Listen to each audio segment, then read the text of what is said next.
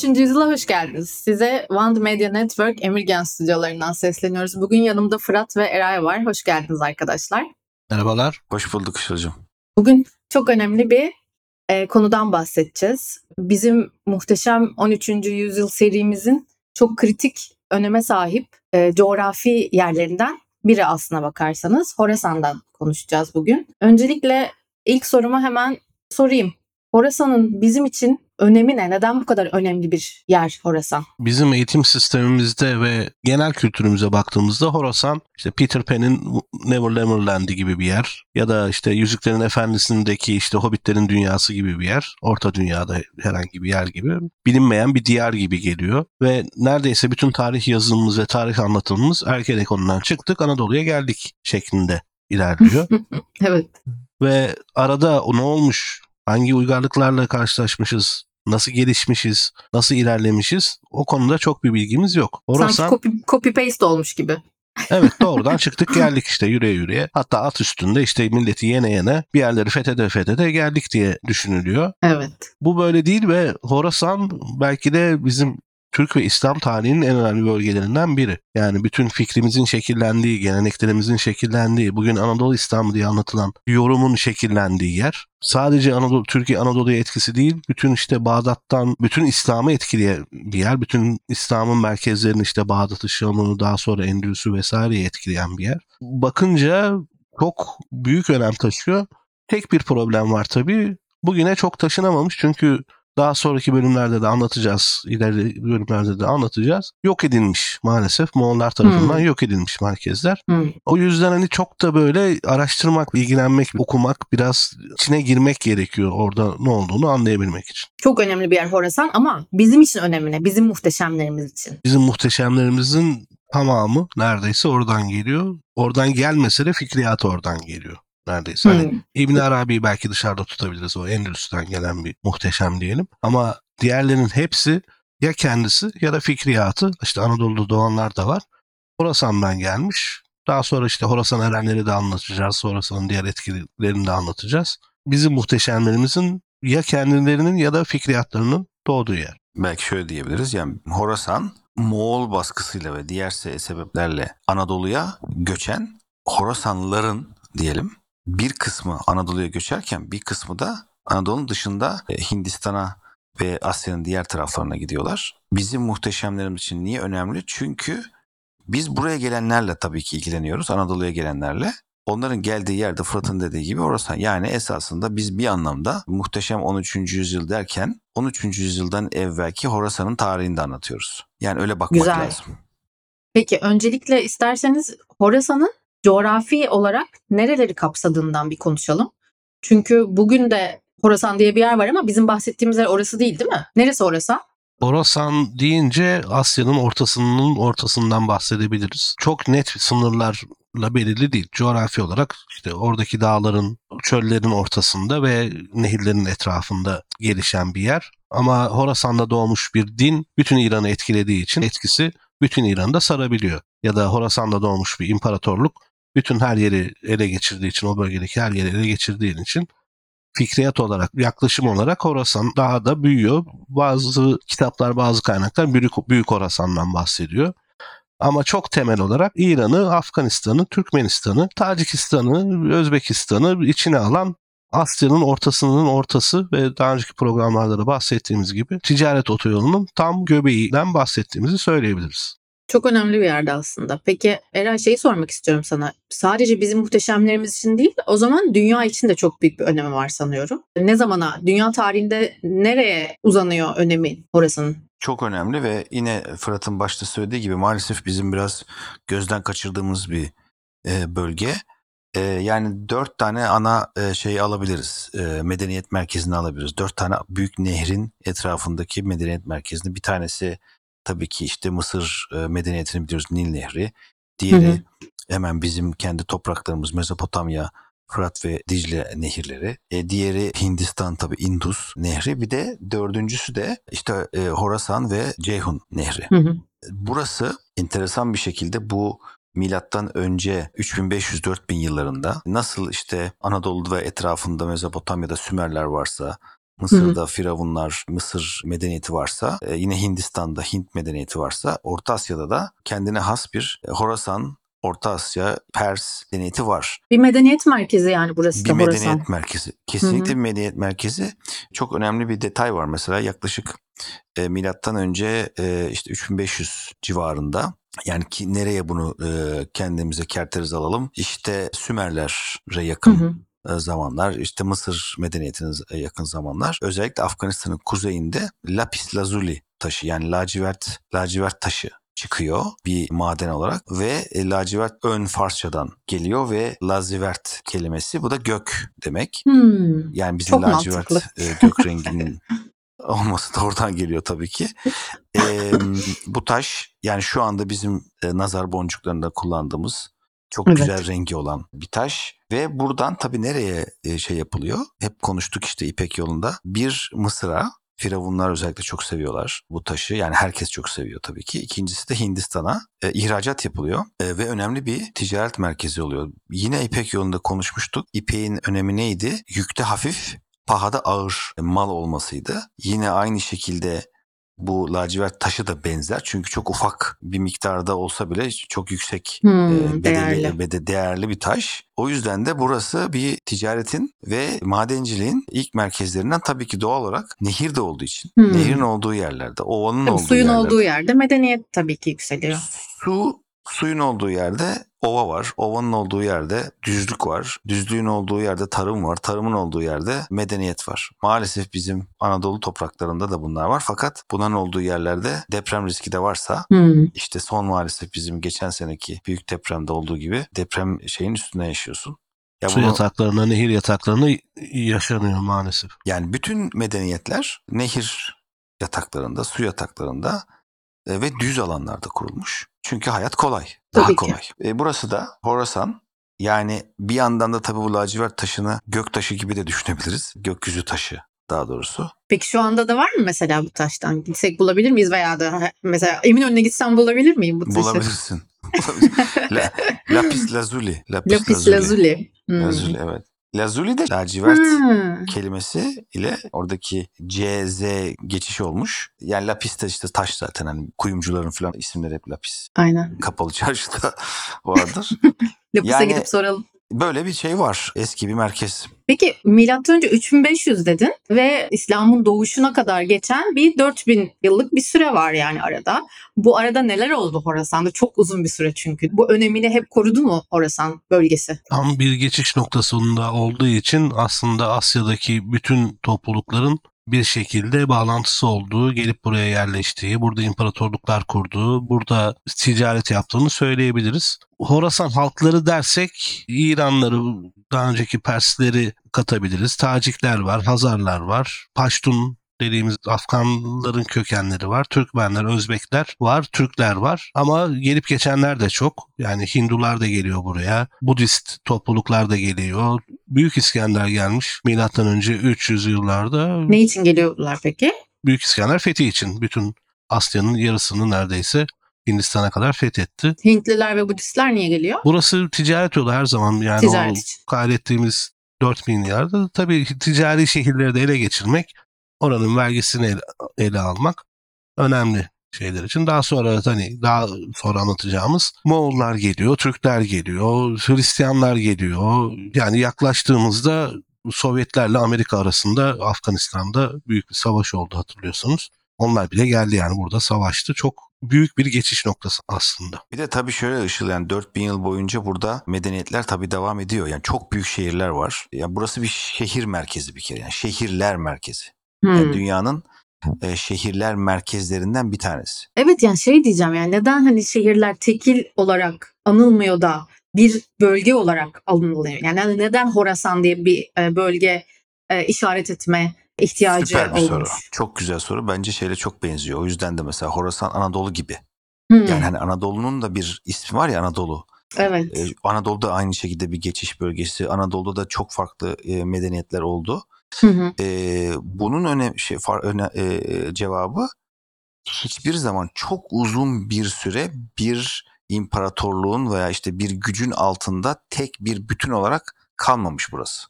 Bu bölge. Hmm. Hep parçalı olmuş. İşte bir Fırat'ın dediği gibi bir kısım bir ara e, İskender gelmiş, öbür türlü Persler var bilmem ne falan. Hep böyle bir karışık ve birbirinden farklı güçlerin aynı anda bir arada olduğu bir yer. E, Geçişken sınırları de var yani öyle mi? Geçişken sınırları Evet. var artı kontrol edilemez bir Hı hı. halde var. O yüzden de şehirler e, büyümüş. Yani bugün işte hepimizin bildiği bir merkeziyetsiz bir dünya var ya işte farklı farklı merkezlerin olduğu. Evet. Yani o zaman da bu yani Orta Asya'nın içerisinde bir merkeziyetsizlik var diyelim. O şehirleri yaratıyor esasında. Hı, anladım. Farklı şehirleri birbirinden yaşıyor. Burada büyük şehirler, tarih boyunca olan büyük şehirler. Belk, e, Mevlana'nın doğduğu şehir Mevlana'da bahsetmiştik. Evet evet. E, ondan sonra Merv çok önemli bir şehir. Nişabur. Ya hı. bunlar tabii bize böyle şey gibi geliyor. Yani e, çoğu dinleyicimize de öyle gelecektir. Ya bunlar ne diyor falan. Yani sanal böyle. böyle. bir takım isimler gibi. Evet çünkü o kadar kötü, o kadar büyük bir geriye gidiş var ki. Ama tabii bu buralar dünyanın merkeziymiş. Yani net olarak ortaya koyalım. Buralar işte yaklaşık 5000 sene. Yani işte milattan önce 3500'den 1200'lere, 1300'lere yani Moğollar gelene kadar dünyanın merkezi diyebileceğimiz büyük bir kültürel birikim, büyük bir sermaye birikimi, olağanüstü mühendislik, müthiş bir bilim merkezi olan bir bölgeden bahsediyoruz. O evet yüzden de bu, bu aslında bu önemli. bilgi pek çok insan için şaşırtıcı bir bilgi olabilir. Çünkü hep batı şeyi tarafından yani medeniyetleri tarafından empoze edilen ve şu anda günümüzde de böyle olduğu için sanki her zaman bir Avrupa şeyi vardı kıtası ve her zaman işte Avrupa ve Amerika sanki dünyanın hep merkeziydi gibi doğru, Ee, doğru. Değil mi yani? Yani Şeyin medeniyetin düşünelim. başlangıcından bu yana sanki böyleymiş gibi bir algı da var belki. Şöyle düşünelim. Ana merkezler, eski çağlardaki ana merkezler nereden başlıyor? Tabii ki işte Nil Nehri çok büyük bir nehir. Yani şimdi bugün bile Google'dan bile bakınca Google Earth'ten olağanüstü büyük bir nehirden bahsediyoruz. Şimdi orada bir medeniyet merkezi. Sonra bu doğuya doğru gidiyor doğal olarak. Niye? Çünkü işte Akdeniz var. Öbür türlü güneye gittikleri zaman da çöl var. Yani doğal olarak kuzeydoğuya doğru gidiyor. Mezopotamya yine nehirler. Ondan sonra e, Orta Asya yani bahsettiğimiz Horasan ve ondan sonra Hint ve ondan sonra da Çin. Yani zaten insanlığın gelişimi özellikle Asya, Avrupa ve Afrika'da böyle olmuş. Evet. Yani diğer diğer kıtaları ayrıya e, bıraktığımız zaman zaten hani bunu da Fırat üstüne biraz ekleyebilir. İpek yolunda gördük esasında bu e, geçişi. İpek yolunun ne kadar önemli bir ticaret yolu olduğunu, o dönemki bütün zenginliğin ticaretin neredeyse %60'ının 70'inin o yol üzerinden ilerlediğini söylemiştik. 5 tane ana hattan bahsetmiştik. Üçü tam Horasan'ın ortasından geçiyor. Biri kuzeyinden Teğet geçiyor ama yine Horasan'la çok yakın. Diğeri de deniz yolu zaten hani çok e, karışıklıklar olunca kara bölümünde denizden geçen yani 5'in 4'ü Horasan'ın ekonomisinin sosyalliğini, sosyal yaşamını, ticaretini doğrudan etkileyen yollar. Önemli bir kesişim noktası yani. Bir de burada şu var. Özellikle bu Horasan'la ilgili birkaç bölüm yapacağız ve İslamiyet geldikten sonra Horasan'a buradaki müthiş, e, muhteşem baş, muhteşemlerimizin atalarından da bahsedeceğiz işte İbn Sina gibi, Farabi gibi, Ömer Hayyam gibi isimlerden ama buranın başka bir özelliği müthiş bir sulama sistemi geliştirmişler. Yani bu e, burada bir mühendislik hep olmuş. Zaten şimdi düşünürseniz bugün de e, matematik yine Amerika'da da bugün işte Kaliforniya'yı alırsak Hı hı. yine Hintlilerin ve İranlıların çok esasında domine ettiği bir alan. Yani IT e, dünyası, yazılım hala o eski şey devam ediyor. Yani Şu anda Hintliler ve İranlılar mı domine ediyor Amerika'da? e tabii bütün bu şirketlerde, büyük Hı hı. Amerikan şirketlerinde özellikle IT işi, matematikle bağlı, bağlı işte algoritmalar ki algoritma kelimesi de yine Horasan'dan geliyor. Özüne dönüyor yani. Yani- Özüne dönüyor. Bu iş böyle hani 3-5 senede ortadan, 100 senede ortadan kalkan şeyler değil. Kullandığımız sayılar zaten işte Hint ve Horasan'dan çıkıyor. Yani şunu söylemek istiyorum. Burada bir matematik bilgisi, müthiş bir matematik bilgisi var. Hı hı. olmuş bütün tarih boyunca ve bu matematik bilgisinin sonunda da olağanüstü bir sulama sistemi geliştirilmiş. Ne Hem zaman? barajlar yani işte yaklaşık nereden alalım bunu? Herhalde milattan önce 2000-2500'den başlatabiliriz. Gerçekten sulama mi? sistemleri E ama tabii peki yani. matematik dediğin şey de o zamandan itibaren mi yükselmeye başlamış bölgede? Matematik şuna yarıyor bir kere. Yani matematik olmadan nehirlerin e, ne zaman taşıyacağını, nasıl sulama yapılacağını bilemiyorsun. Burada bu Matematik- bilgi gerçek hayatta ne işime yarayacak bölümü diyelim. Evet. Matematik olmadan yıldızların geçişini anlayamıyorsun. Matematik olmadan takvimi belirleyemiyorsun. Yani bunlar olmadan da ekonomik gelişme sağlayamıyorsun. İşte sulama yapamıyorsun. Ne zaman suyun nereden geleceğini anlayamıyorsun. Mühendisliği geliştiremiyorsun. Kanalları Doğru. açamıyorsun falan. Yani bu bunların hepsi birbiriyle bağlantılı şeyler ve burası da burası bu bölge Horasan bölgesi Hı hı. ne kadar da bugün işte konuştuğumuz gibi hani yok olmuş bir uygarlık gibi gözükse de Horasan bölgesinin düşüncesi bugünün Horasan'ı olan Kaliforniya'da yine eski Horasanlar tarafından hayatta devam ediyor. İlginç gerçekten. Sen böyle anlatınca bir ışık daha yandı. Aslında eski Mısır Eren'in tanıdığı bir eski Mısır'la ilgilenen Amerikalı bir profesör. Çok güzel anlatmıştı. Oradaki Nil'in taşma, işte genişleme, sonra alüvyonları geri bırakıp daralma konusu tarım için çok önemli ve onu doğru hesaplayabilmek için aslında geometriyi ortaya çıkartıyorlar. Nil ve çevresindeki çöller aslında çok basit, düz yerler. Buraya bakınca aslında Horasan'a bakınca çok dağlar var, çöller var, ırmakların işte doğduğu buzullar var vesaire. Biraz daha algoritma gerekiyor. Yani hani geometriden algoritmaya geçiş büyük bir olasılıkla hani o yine sulamayla olmuştur büyük bir ihtimalle. Çok güzel. Peki sulama dedin, ticaret dedin, aynı zamanda İpek yolunun üç tane yolunun kesiştiği nokta dedik. Bu doneler buradaki şehirleri birbirine nasıl bağlıyordu? E, şimdi burada tabii dünyanın o zamanında en büyük şehirlerinden bahsediyoruz. Mesela bir örnek verelim. 11. yüzyılda Merv dünyanın en büyük e, ya birinci ya ikinci şehri. Hmm. Yani böyle bir yerden bahsediyoruz. Yani hani dinleyenlerimizin kafasında daha çok canlanması için. Yani buradakiler böyle hani bir e, masalsı şehirlerden bahsetmiyoruz. Gerçekten Popülasyon olarak mı en büyük? popülasyon olarak evet. Hem popülasyon olarak, coğrafi büyüklük olarak, altyapı büyüklüğü olarak, aynı zamanda da ticaret bağlantıları, network olarak işte bahsettiğimiz şeyler tekrar hani üstünden geçmek gerekirse özellikle Merv çok önemli. Ki daha sonra 9. yüzyılda halifeliğin, İslam halifeliğinin başkenti olacak Hmm. bu şehir. Belk, Mevlana'nın doğduğu şehir. Çok önemli. Biz işte hani milattan önce 2000'den 3500'den bahsediyoruz. Milattan önce binlerde Zerdüştlüğün doğduğu kent olacak. Hmm.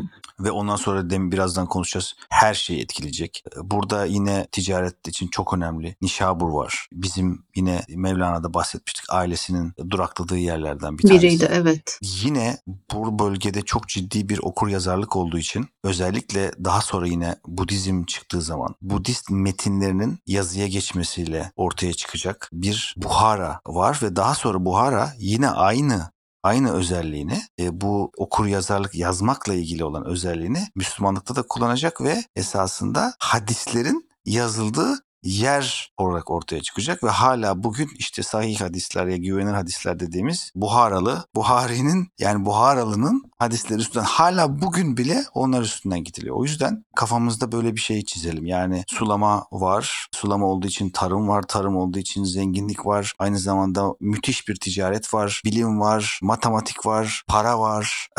ya bu yüzden de bir merkez, dünyanın temel merkezlerinden birisinden bahsediyoruz ve bunun içindeki şehirler var. Eray kültürden ve eğitimden bahsetti. Çok sonraları bahsedeceğiz ama Nizami Mülk meşhur Selçuklu veziri bütün bu say- sayılan kentlerde işte Nişabur'da, Hı hı. Merv'de, Belt'te, Herat'ta ve Buhara'da dev medreseler açıyor. Yani dönemin en büyük üniversiteleri diyebileceğimiz Hmm. çok büyük medreseler açıyor ve aslında ki oradaki bilgiyi yay- yayılmasını da sağlayan adamlardan biri daha sonra. Yani Horasan'ın kültürel ve bilimsel öneminin belki de şeyi mi bunlar? Temelini mi Sonucu. oluşturacak yoksa sonucu mu? Sonucu, sonucu. Yani sonuçta bu Nizami Mülk bu büyük mirasın üstüne bunları Kuruyor. Orada bir orada Doğru. bir miras var. Orada Evet. bir miras var. Yani bu hatta üniversitelerin üniversitenin temeli burada atılıyor. Yani bizim şu an bildiğimiz anlamda üniversitenin temeli bu bölgede atılıyor. Yani bir yandan da hani şey, şey gibi oluyor. Tabii bunları anlatınca böyle hani masal anlatıyormuşuz gibi. Ama o yüzden çok önemli gerçekten. Hani böyle bir e, tekrar vurgulamak lazım. Bu bölümü yapmamızın sebebi bu bölümleri iki tane daha Ya yapacağız. evet yani bir de biz tarih dersi gören lise öğrencileri falan hani böyle işte bir İslam öncesi şey işte İslamiyet tarihi ondan sonra Osmanlı tarihi falan hep böyle hani bir de genel olarak Türkler üzerine kurulu bir tarih anlayışı var ya Türkiye'de yani. Ya Türkler üstüne olsa bile keşke Türkler üstüne olsa. Türkler için o kadar önemli bir yer ki o zaman burayı bir öğretmen lazım. Yani orası Türkler için olağanüstü önemli bir yer. Bütün zihni kökünü almışsın. Neden peki bu kadar e, üzerinden az geçilmiş bir yer? Neden böyle hani daha derinlemesine anlatılmıyor tarihte? En azından ülkemizde. Kültürel, sosyal ve ekonomik bir merkez aynı zamanda. Biz hep savaşları öğrendik. Şu şunu fethetti, şöyle bir imparator çıktı her yeri aldı, şöyle bir padişah çıktı her yeri aldı. Yani Fatih Sultan Mehmet'i de Kanuni Sultan Süleyman'ın da daha önceki işte Alaaddin Keykubat'ı anlattık. Onun bilime yaptığı katkıları da işte Gazneli Mahmut olağanüstü bir ha, insandır. Onu da anlatacağız gelecek bölümlerde. Onları hiç anlatmadık. Şurayı aldı, Hindistan'a girdi, şunu kesti. Evet. İşte Türkiye'deki eğitim müfredatı genel olarak fetihler tarihi şeklinde gidiyor. Evet maalesef. Yani Maalesef. çok büyük bir kültür ve bilim mirası var halbuki. Bundan hiç bahsedilmiyor. ya çok Dolayısıyla büyük insanlar da sıkılıyor yani. Oraya aldı ona geçti. O şunun yüzünden bu bu oldu. Bunun yüzünden şu oldu. Hep böyle bir arka arkaya savaşlar ve elden ele geçen e, topraklar. Bu kadar yani tarih. Bu tarihi Çok kim büyük- öğrenmek ister ki? çok büyük bir alana yayılmışız binlerce yıl. Hani Osmanlı'nın sonuna bakarsak 1600'lere 1700'lere yani neredeyse bilinen dünyanın %50'si bizim. Selçuklularda da öyle. Onları kaybedince o toprakları kaybedince maalesef bir travma da oluşmuş. İşte hep bir geri alır mıyız inancıyla fetih e, özlemine gitmiş iş ve Rövanş hep. revanşist herhalde bir, bir müfredata dönmüşüz. O zaman artık isterseniz Horasan'ın ismine geçelim arkadaşlar. Evet Horasan ismi e, çok ilginç. Evet. Ve bize bir sürü bir ipucu veriyor ve bu ipucu bu ipi takip ettiğimiz zaman Nerelere yine çok gidiyoruz? en- çok enteresan bir yolculuk yapıyoruz. Çok hoş bir yolculuk yapıyoruz. Horasan'ın şimdi açıp bakınca şeydeki yani hemen hızlıca bir internetten baksanız Horasan işte güneşin kenti Hı hı. veya işte hani güneşin doğduğu yer, e, doğu ama güneşle ilgili tabii ki. Çok hızlı bir şeyle bunu görebiliyoruz. Çok orada not Evet. verelim. Aslında Anatoli'de eski Yunanca güneşin doğduğu yer. Yani hani biraz daha ileri getirilmiş basit etimoloji olarak. Hı hı. Evet, basit etimoloji. Tabii burada hem Horasan var bir de yine Harizmi de var. Yani aynı kelimenin kökü olan. Onu da birbirine bağlayabiliriz. Fakat biraz daha derine indiğimiz zaman bu hor kelimesi bizi değişik bir yolculuğa çıkarıyor. Ki bu ya nedir esasında? Bugünkü anlamda bakarsak en yakın bugün İngilizce'de ne var? Hour var mesela Hı hı. işte e, nedir saat esaslı çok alakalı mı değil gibi veya işte yine e, İspanyolca'da ora var altın Evet. demek. E, Şimdi buradan nasıl bir e, bağlantı yapacağız? Özellikle şeyle e, Mısır'ın demin Mısır'da bahsettik. Mısır'ın Mısır medeniyetinden aynı zamanlarda yaşamış olduklarından ve Mısır medeniyeti de bu arada şeyden çok etkileniyor doğal olarak. Mezopotamya ve Sümer akatlardan çok etkileniyor. Hı. E, burada Mısır'da çok önemli bir Horus diye bir karakter var. Yani Horus. daha doğrusu bir Horus. Horus, Hı. Osiris, Isis üçlemesi. Bunların yanında bir de Set var. Hı hı. 3 artı 1 diyelim. Set kötü adam. Bu Horus Mısır'da yani hep bize şey anlatılır. Mısır'da işte Ra Güneş güneş tanrısı. tanrısı. Esas da Horus güneş tanrısı ama tam anlamıyla güneş tanrısı gibi de değil. Gün içindeki güneş tanrısı. Çünkü eski uygarlıklarda iki tane güneş var. Hı. Birisi yani gece ve gündüzü sonucu olarak daha doğrusu gece ve gündüzü yaratan gün içindeki güneş Hı hı. yani işte doğup batan Evet. güneş. Diğeri de sene içerisinde döngüyle dünyanın güneş etrafında dönmesiyle tabii ki oluşan ama o zaman sene içinde dönen ve mevsimleri yaratan güneş. Hı, Biri günleri biri mevsimleri yaratıyor. Bunu ikiye bölmüşler yani Mısır'da. Evet evet iki tane çünkü esas da bakınca bizim hayatımızda da Hmm. farklı iki tane. Yani bir tanesini işte o yüzden hour dedim ben bir tanesiyle saati Evet. e, belirliyoruz. İşte 24 saat üzerinden yaşıyoruz. İşte güneşin doğuşuyla kalkıyoruz, batışıyla yatıyoruz. E, diğeriyle de Batışıyla yatmıyoruz e, artık tabii. Evet yatmıyoruz. Yatsak iyi olur ama. Yatmaya çalışan en azından güneşin doğuşuyla da kalkamıyoruz bu arada. Aslında şöyle bir şey var yani. e, Maalesef erken kalkıyoruz. değil mi? Oralara girersek çocuklarımızın karanlıkta kalkışı. Çok çok sinir abi oraya girmeyelim. Çok sinir bozucu. Yani Şimdi, daha bu arada e, hala da insanın yani sirkadyen ritim dediğimiz şey hala güneşin doğuşu ve batışıyla uyumlu şekilde ki. çalışıyor yani. Aslında Tabii ki. insan vücudu ne kadar uyarsa güneşe o kadar sağlıklı oluyor. E, Yani tabii yani şimdi gece sonuçta- kuşları var. Bazılarımız ben de dahil e, sabah erken kalkmıyoruz. Gece geç yatıyoruz. Hani bu, bu da bir gerçeklik. Yani bu şekilde de bölebiliriz insanlar. Herkes sabah insanı değil evet ama yine de insan biyolojisi sirkadyen ritimle tamam tamamen uyumlu E, bir şekilde çalışıyor. evrimsel bir şey ve sonuçta elektrik bulunalı 100 sene mi 150 sene mi ne oldu yani bundan evvel yapamazdın yani. evet. Bunları iste, istesen de olmazdı. Şimdi buradan nereye geleceğiz? Bu hor kelimesi esas da tabii ki güneş. Günün içerisindeki güneş. Tabii bu bizim için niye önemli Horasan için? Evet zaten etimolojik olarak da güneşti. Fakat burada kritik bir bir şey var. Horasan özellikle işte milattan önce 1000 civarında e, önemli bir inancın, çok önemli bir zihinsel yön e, verişin, doğuşunun merkezi yani Zerdüştlüğün. Hmm.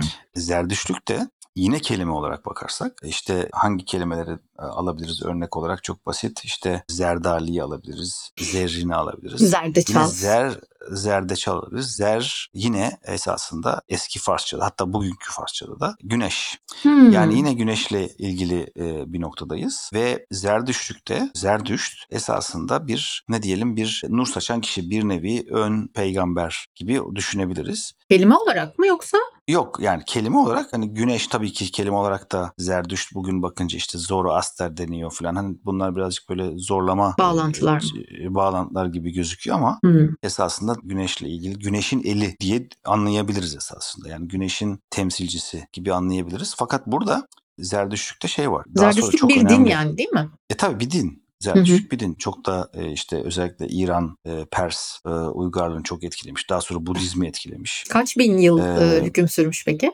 E, yaklaşık 1500 sene. Bayağı yani uzun. özellikle İslamiyet gelene kadar neredeyse İran coğrafyasında Zerdüştlük var. Ama Şu anda var mı? şu anda az da olsa var ama onu Hı. söyleyecektim. Şu Hı. anda Zerdüştlüğün türevleri var. Hmm.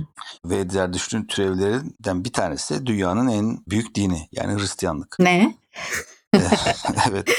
Oradaki bağlantıyı da şuradan yine Horus'tan gidersek ve Horasan'ın Horun'dan gidersek hani aklımızda yine güneşi altın tutalım. Onu unutmayalım. Tuttuk. Hristiyanlığın Hristiyanlıktaki niye Hristiyan den- deniyor? Çünkü Hristiyanlıkta bir hriz, hrizma adı verilen bir Kavram mı? yağla bir, Yağ. evet tabii bir kavram var ve Hmm. o, o, o yağ esaslı yani Mesih de mesedilmek yani İsa Mesih o yağla parlayan kişi demek. O yağ da altın rengi bir yağ. Aa, ne kadar hepsi birbiriyle bağlantılı. Yani Christ şeyi de o hrizmanın e, şeyinden geliyor o zaman değil mi? Parlayan aslında. E Parlayan Christ demek. esasında yani Christ değil de Hrist yani esasında. Tabii. O Christ oraya dönmüş yani e, güneşle parlayan. Yani o, o yüzden hani Hazreti İsa'nın özellikle Hristiyanlıktaki şeyine bakarsak işte kiliselerde falan hep hep bir güneşle bir bağlantı vardır. Mutlaka bir etrafında haleler vardır. Hep güneşle özdeşleştirebiliriz çok rahatlıkla. Hı hı. Şimdi buradan yola çıkarsak bir de tabii şeyin kelimenin bağlantısı ötesinde şey bağlantısı da var tabii ki yani Zerdüştlük özellikle Roma demin de konuştuk işte Helenistik çağ var İskender gidiyor falan ama ondan sonra bir de özellikle Romalılar da e, bu bölgeye ile temas halindeler Hı. ve Romalı askerler Hristiyanlık daha başlamadan evvel Roma İmparatorluğu'nda Hı hı. Mitraizm diye ayrı bir e, mistik din kuruyorlar. Hı hı. Bu da yine e, Zerdüştlüğe çok benziyor. Mitraizm yine güneş kültü üzerine kurulu ve Mitraizm daha sonra bir şekilde e, evriliyor ve Hristiyanlığa dönüyor. Daha doğrusu Peki Mitraizm ve Zerdüştlük e, animist dinler mi? e, değil. Daha çok Hani gök ve güneş kültü üzerinden Hmm. kafanızda E, şekillenmesi zaten. için kafanızda şekillenmesi için bir örnek verelim. Nemrut Dağı'ndaki heykelleri bilirsiniz. Aslında onlar Mitreist kültün parçalarıdır. Nasıl? Yani Mitreist bir kralın yarattığı bir tapınak orası. Ha. Şuradan çıkalım. Şimdi e, özellikle bu Zerdüştlük'te karanlık ve ışığın mücadelesi var. Yani bütün iş karanlık ve ışık üzerine gidiyor. Yani gündüz ve gece. O yüzden de yine Horasan'dan kötü. Evet iyi ve kötü.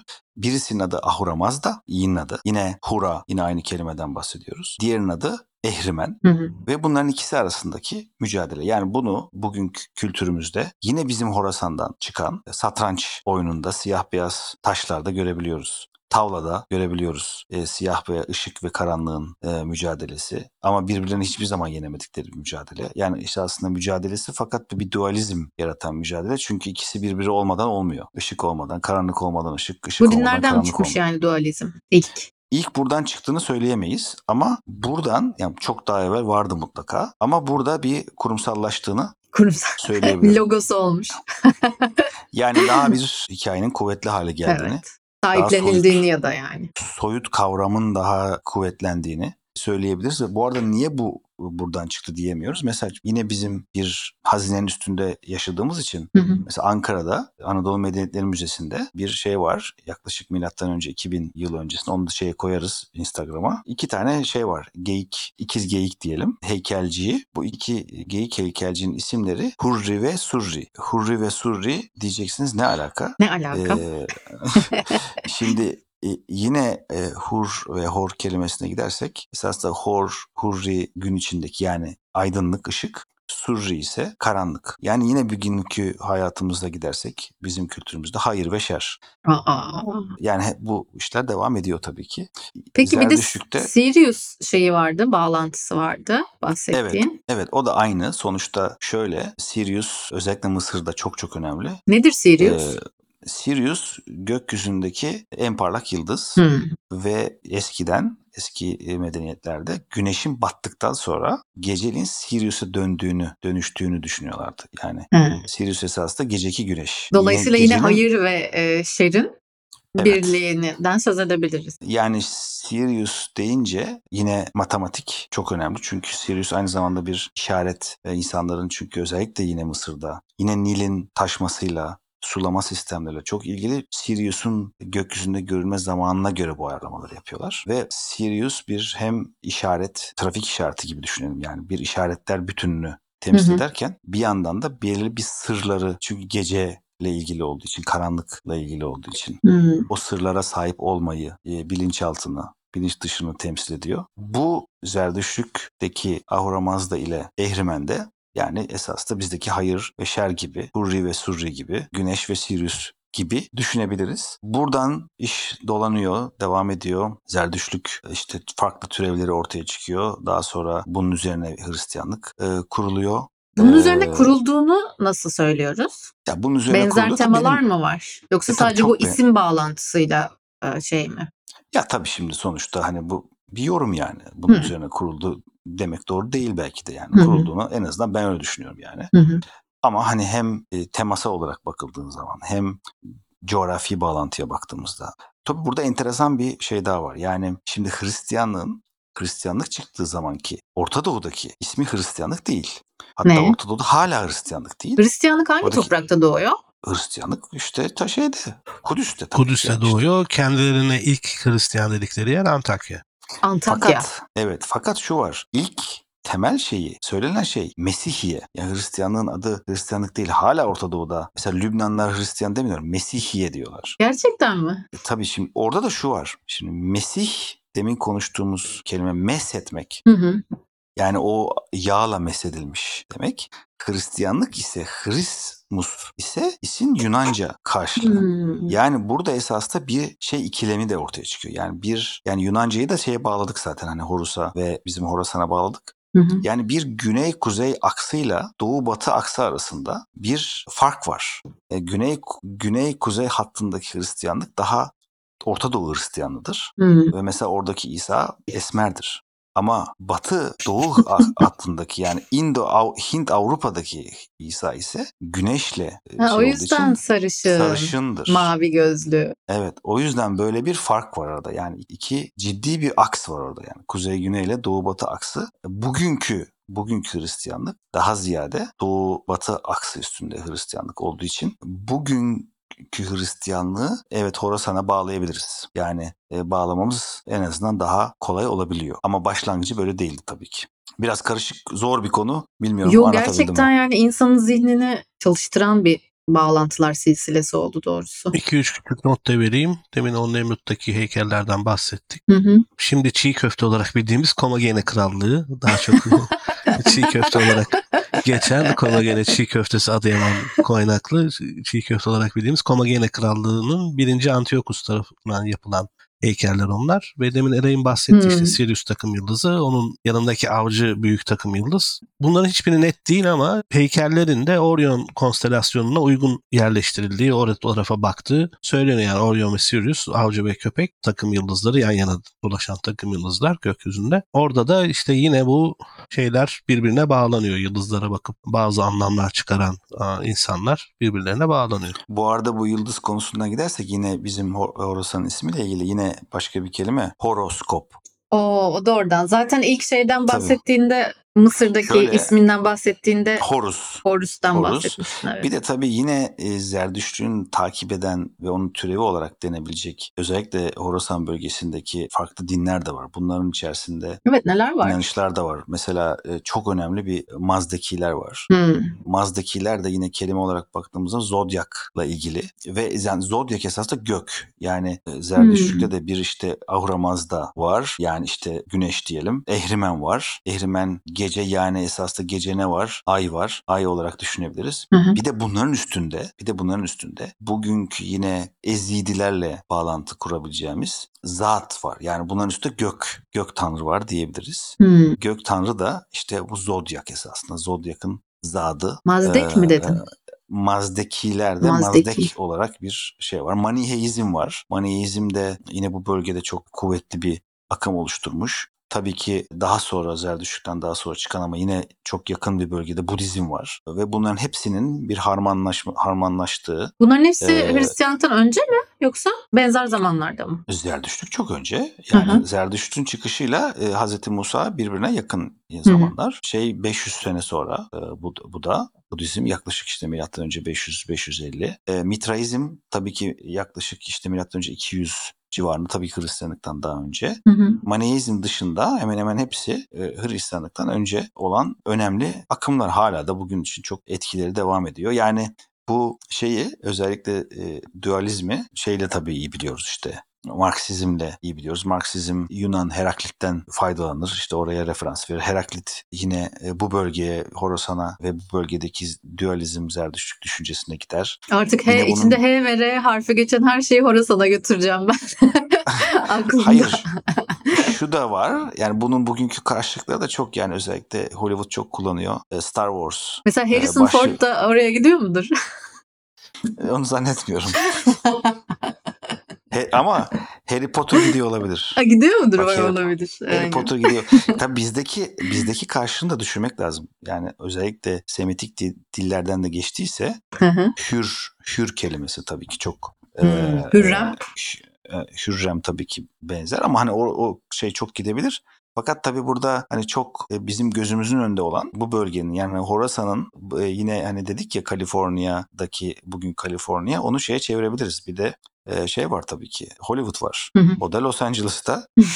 yine aynı Star bölgede Wars dedi. onlar Evet Star Wars mesela bu düşüncenin e, bugünkü dünyayı birebir çevrimi. Yani işte Siyah Darth Vader'la siyah Darth Vader'la beyaz Luke Skywalker'ın savaşı. Siyahla beyazın. Tabii. O da tabii ki Luke. Luke Skywalker o da yani Skywalker işte e, şey Lapis. isimler. Tabii yani hani bütün kavram işte kötü karanlık bir cumhuriyet şeyi Zaten var. Hollywood'un şeyi e, süper kahramanlar dünyasının tamamı iyi ve kötünün üzerine kurulu değil mi? Evet, E, Tabii ama evet. bunu hani Joseph Campbell çok önemli bir şeydir. Çok formülleştirmiş kitaplarında yazmış. George Lucas'ın da Joseph Campbell'dan çok etkilendiğini ve hatta Star Wars'un bütün senaryosunu o Hero's Journey dediğimiz e, yuvarlağın üzerine yazdığını zaten biliyoruz yani hani bunlar böyle hani bir takım kültler var, Illuminati gibi adamlar var hani birbirlerine şey yapıyor değil. Tabii, tabii. bilinen çok bilinen hikaye yazış Çünkü biçimlerinde şu- zaten ol- oluşan şeyler. Yani bu. Hero's Journey burayı da söylemeden geçemeyeceğim. Hero derken de tabii demin biraz daha geçtik ama yani oraya atış yapmak lazım. Hero's Journey'deki hero da güneştir esas. Öyle mi? güneşin tabii güneşin bir yıl içerisindeki yolculuğu o da bir zodyaktaki yolculuktur. Yani dönüp dolaşıp hep aynı yere gidiyoruz. Yani sonuçta işte o Hero's Journey dediğin bir, bir döngü. Heroes Journey insan- nedir? Ona ayrı bir bölüm yapalım istiyorsan. Hero's Journey hem kitap hem bir yani Hero's Journey bir kavram esasında. Hı hı. Kahramanın yolculuğu Evet. ama e, çok temelinde insanın ortak ortak bir hikayesi, insanlığın da ortak hikayesi. E, gerçekten ayrı bölüm yapmak gerekebilir. Yani Fırat da bunun sinema konusunda uzman olduğu için anlatır ama e, hikayesel olarak e, gökyüzündeki güneşin Hı hı. yıl içerisinde gökyüzündeki diğer takım yıldızlarının. Çünkü insanlar hep gökyüzüne bakıp bu hikayeleri yapıyordu. İnsana olan, insanın doğasındaki e, benzerliklerle olan hikayesi. Yani işte doğumundan ölümüne yaşadığı zorluklar diyebiliriz ama bir kahraman var tabii ki ortada yani. Ya kahraman döngüyü- olmak gerekiyor yani. Döngüyü çok basit anlatırsak kahraman doğar, bir şeyler öyledir, yeteneğinin farkına varır. Sonra bir hocayla bunu geliştirir. Sonra hoca ölür, Obi-Wan Kenobi'nin öldüğü gibi. Hmm. Ondan sonra hocası ölünce bu sefer kendi içine döner, iç yolculuk başlar ve o gücün tam farkına varır. En sonunda da zafere ulaşır. Yani bütün baktığımız masallarda, şeylerde, bütün hikayeler böyle değildir ama tutan hikayelerin büyük bir bölümü Böyle öyledir. Yani insanların sevdiği, mutlu sonla biten işte hikayelerin büyük bölümü bu Ama şekilde. Fırat tabii Hollywood mutlu sonda bırakıyor ama normalde e, kahraman yolculuğunda mutlu sondan sonra yani mutlu son 21 Haziran güneşin tam tepede olduğu nokta. Ondan sonra geriye dönüş başlıyor. 21 Eylül'de tokadı yiyor esasında ve eşitleniyor. 21 Eylül'den sonra geriye gidiyor ve 21 Aralık'ta artık tekrar Baba ölüyor Ee, orada aslında Noel baba, Baba. ölüyor. Noel Ba- Baba. Noel Baba ölüyor ve yeniden e, esas da bir çocuk doğarak kahramanın tekrar yeni bir kahraman doğuyor. Yani bu Enteresan. kahraman kahramanlar e, jenerasyonlar boyunca devam ediyor ve sonsuz bir döngü. Yani ben şunu merak ediyorum. Yani bu kavram tabii ki de şu anda günümüzdeki hikayelerin merkezinde var da bu demek ki o zaman binlerce yıl öncesine köklenen Tabii bir ki. şey. Tabii Ya, ki. Çok tabii. basit tarım döngüsü Tabii aslında. ki. Her yıl yaşadıkları üzüntü ve mutluluk insanların işte kış gelince mutsuz oluyorlar. İşte o zamanlar işte Saturnalia var eski Roma'da. Şimdi şey var. Hani mutsuzuz ama gelecek yıl içinde umutluyuz. Yani şu anda Evet. Noel kutlama da aynı. İşte Aynen. tamam şey yılı bitirdik. Hasadı topladık. İşte evlere kapandık kış olduğu için ama gelecek sene yeniden bahar gelecek. Hadi onun için iyi dilekler dileyelim, ağaca bir şeyler asalım. Ondan sonra şey geldiğinde, bahar geldiğinde Nevruz'u kutlayalım, bahar bayramını kutlayalım. Ondan sonra Evet. bahar biraz daha ilerlediğinde ilk hasatlar, ilk dikim şeylerinde hadi Hıdrellez'i kutlayalım Mayıs'ta vesaire. Aslında bütün bayramlar, inanışlar o tarım döngüsü. Yani İnsanların evet o inişler ve çıkışlar, o inişler ve çıkışlar aslında insanın kendi içinde de var. Dolayısıyla hani o aslında normal e, hayatın bir parçası. O bir yerde tıkandığı zaman veya sen e, onun bir yerde kalmasını istediğin zaman sıkıntı çıkıyor. Ve insan da sonuçta bir doğanın bir parçası olduğu için hani biz maalesef bir doğanın dışında yaşıyor olsak da yani insanın hikayesinde öyle 3000-5000 sene olarak da düşünmez isek düşünmememiz lazım. Yani en az 100 bin yıllık bir hikaye olarak düşünürsek Evet. e, bu hikayede insanların kendilerine referans alabilecekleri değişmeyen Hı hı. esasında tek bir yer var. Yani bu 100 bin yıl içinde bütün havalar değişiyor, işte insanın kendi öğrendikleri değişiyor, kullandığı aletler değişiyor, coğrafya değişiyor, İnançları işte değişiyor. değişiyor, her şey ama değişmeyen referans alabilecekleri, kerteriz alabilecek tek bir şey var gökyüzü. Evet. Tek bir şey var çünkü gökyüzü devamlı kendisini tekrar ediyor.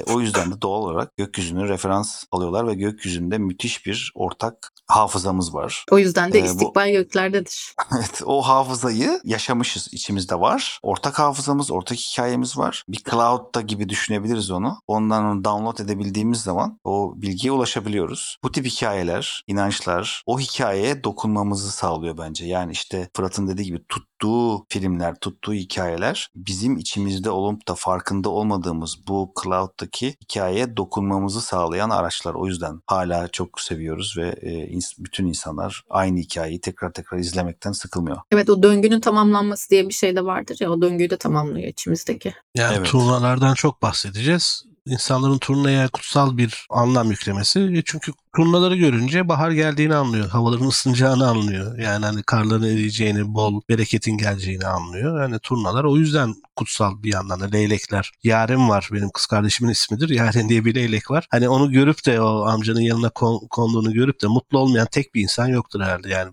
hasta ruhlu olması Evet. lazım bir şey yapmaması için. Evet. Yani o leyleğin gelip konduğunda herkes bir huzur hissediyor. Herkes bir mutluluk hissediyor. Çünkü binlerce yıl leylekleri ve turnaları o göçmen kuşları Doğru. geri geldiğini görünce mutluluk hissetmişiz. Bu mutlulukla isterseniz kapatalım bu bölümü. Kapatalım. Bir sonraki Horasan bölümümüzde artık İslamiyet'in Horasan topraklarına gelmesiyle nelerin değiştiğini, nasıl e, daha büyük şeyler olduğunu göreceğiz aslında değil mi? Bizim muhteşemlerimizin altyapısının, zihinsel altyapısının nasıl oluşmaya başladığını, Evet. bugün konuştuğumuz konuların nasıl harmanlandığını, neye dönüşeceğini konuşacağız. Ondan sonra da Orasan'dan çıkıp buraya gelecekler. Sağ olsunlar.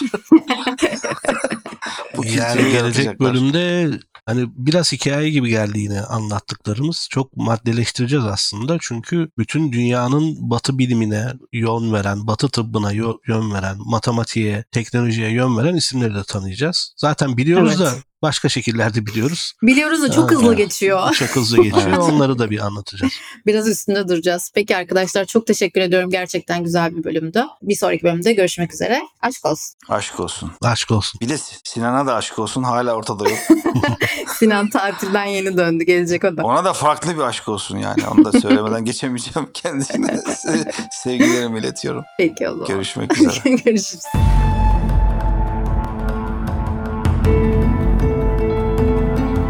Bunu kaydetmediysek artık ciddi söylüyorum. Ben bırakıyorum bu podcast'ı. Bırakıyorum. Diyecek bir şeyim yok. artık.